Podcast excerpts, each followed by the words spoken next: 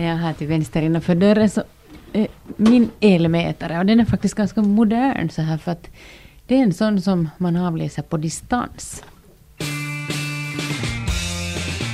Men de verkligt moderna mätarna kommer om uppskattningsvis några år. Då ska det införas mätare som i realtid visar till exempel prisuppgifter på elektriciteten. Framtidens elnät ska nämligen vara smarta. Men först några ord om dagens elnät. Peter Lund är professor vid Aalto-universitetet i Otnäs där han sysslar med förnyelsebara energiformer och så här ser han på dagens elnät.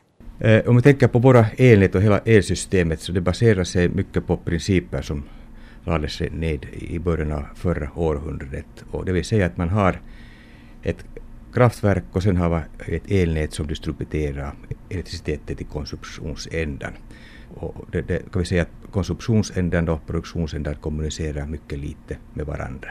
Dagens elnät är rätt säkra. Det handlar om stora kraftverk som producerar el för många mottagare.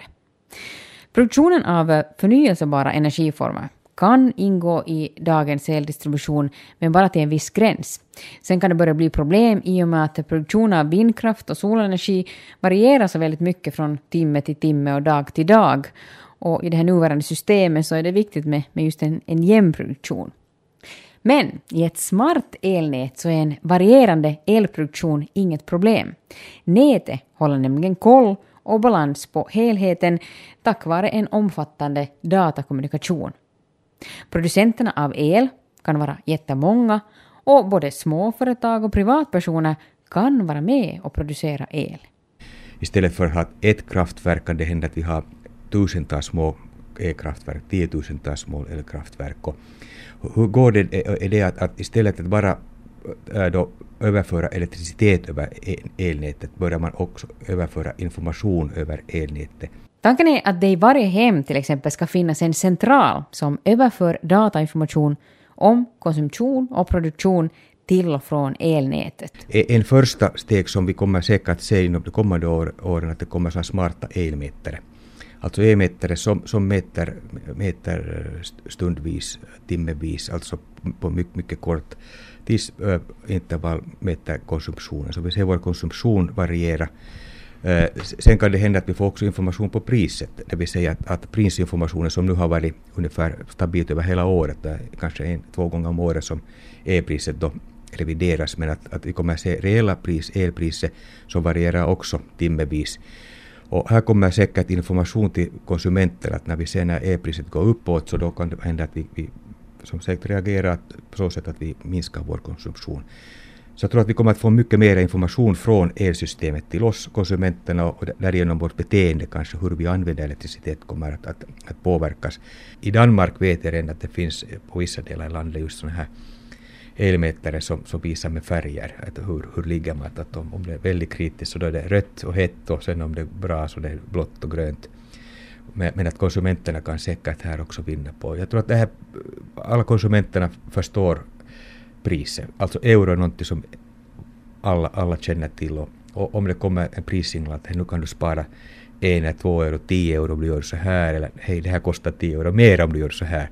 Så jag tror att det här är något som vi kan förstå lätt och, och sen kan vi bete oss rätt. Eh, äh, sen, sen, ett steg framåt kan, äh, kan jag tänka mig också om vi tänker på en kanske tioårsintervall. Äh, det, det kan hända att vi kommer att se mycket mera också i höghus och radhus i hushåll egen produktion av elektricitet. Som vi ser redan i Tyskland, det finns i Tyskland en miljon hus som har solelektricitet, producerar alltså elektricitet till sin egen, eget behov men också sen elektricitet till nätet. Och, och smarta, elnät, eh, smarta elmätare, alltså intelligens i den här hela produktionen och, och konsumtionen, så den, den, kommer att möjliggöra också att vi, vi kommer att se sådana här små anläggningar mer och mer i, i Finland.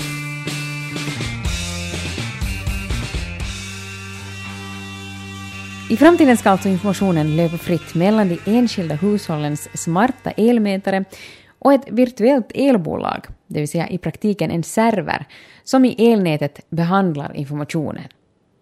Och I det här systemet ingår det också att enskilda hushåll ska kunna producera och sälja el till elnätet. Nästa steg är att enskilda hushållsapparater kan programmeras till att starta olika tider, till exempel på natten, så att eh, energikonsumtionen kan balanseras på ett helt nytt sätt. Våra olika enstaka elapparater apparater kan det vara tvättmaskiner, kylskåp kan börja också regleras. Det kommer alltså en, en viss plugg mellan, mellan, mellan den här apparaten och, och vår stöpsel som vi har i väggen. Som, som har, har en, en, en eh, process så kan vi säga, som, som kan uh, ta information ut från nätet och sända ut i nätet. Jag tror att på den här nivån, det är den sista läget, att, att, att, att, att när man tänker på smarta elnät, så det är den nivån som vi säkert kommer en dag att se att, att man, man kan börja reglera våra enstaka apparater utan att vi ens märker det. Och, och, och säkert får vi också en, en nytta av det därigenom att, att elektriciteten kan bli billigare på vissa, vissa tider av dagen och vi kan utnyttja det. Men andra sidan det möjliggör också att andelen förnybar energi i produktionen blir mycket, mycket högre. Mm. Men det är alltså någon annan som ska reglera de här olika apparaterna eller kan man då själv också programmera dem så att, att de just pausar då och då eller kör då och då och sådär? No säkert just så att det blir en viss förprogrammering, att, att vi kan tänka att, alltså att no, man kan göra ju automatiskt alltid, men, allt, men, men det är säkert så, och jag tänker nu på den amerikanska erfarenheten, det är så att man, man förprogrammerar, det vill säga att man ger sitt beteende in i där och, och sina villkor, på vilka villkor är vi färdiga att till exempel då uppskjuta vår tvättande av, av, av, eller eh, kyla, kylskåp och, och, och, och den här förprogrammeringen på sätt och vis, den ger en bild av vårt beteende. Och sen har vi miljontals det här då, konsumenter, så har vi miljontals förprogrammerade hushåll. Och baserat på den här informationen kan då det här virtuella elverket på sätt och vis dra en, en konklusioner på det att, att, att, att hur, kan, hur kan det här elsystemet flexibelt regleras utan att, att, att sen då konsumenternas på sätt och vis uh, rättigheter eller beteende på något sätt kränkas här. Mm. Och, och, och, då kan, kan, vi tänka så här nu till exempel att om vi har, har det, lite hypotetiskt, har det mycket vindkraft i Finland och om det händer att det kommer vindstilla för några timmar så då har den här virtuella el, elbolaget information på det att, att vad kan man göra med konsumenten, att, att kan vi droppa, kan vi uppskjuta kylskåpen hur mycket och tvättmaskinerna och då, då, kan det hända att man ger en prisinformation, prispremium till exempel, att man får en viss äh, man får elektriciteten billigare sen, sen under nästa dag eller till halva pris eller så här. Så att man, man får säkert en belöning av det också, att man äh, agerar flexibelt. Och de konsumenterna som vill inte göra någonting, alltså beteende mycket rigid och man säger att okej, okay, att vi vill inte, inte uppskjuta någonting, så då betalar man lite högre elpris.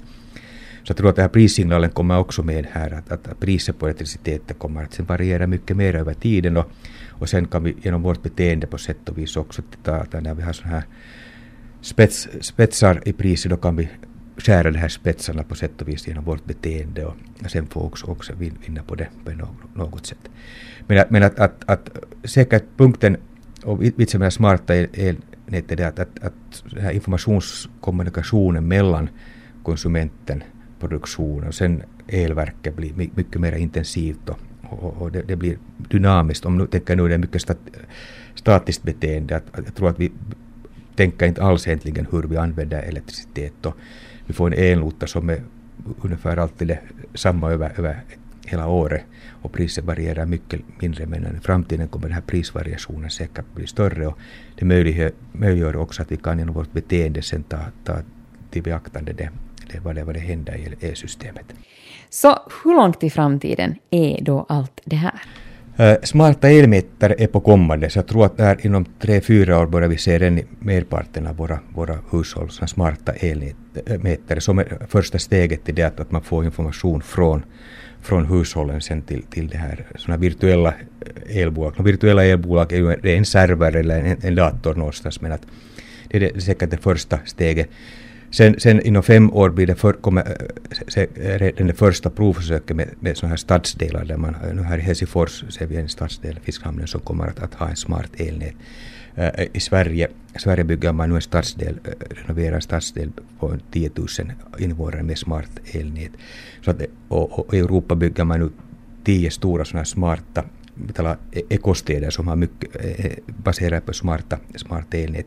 Så det är det på kommande. Alltså, alltså, säkert ligger man ännu lite på sån här provförsök, en, en demonstrering, pilotering av det här konceptet, men det på kommande i USA ser vi redan, redan att det går lite, lite snabbare på marknaden. Så att då får man säkert räkna på en sån här, kanske e- ett decennium ungefär, förrän det börjar ordentligt synas, men med små delar av det här smarta nätet kommer en in, in, inom de nästa, nästa åren nog.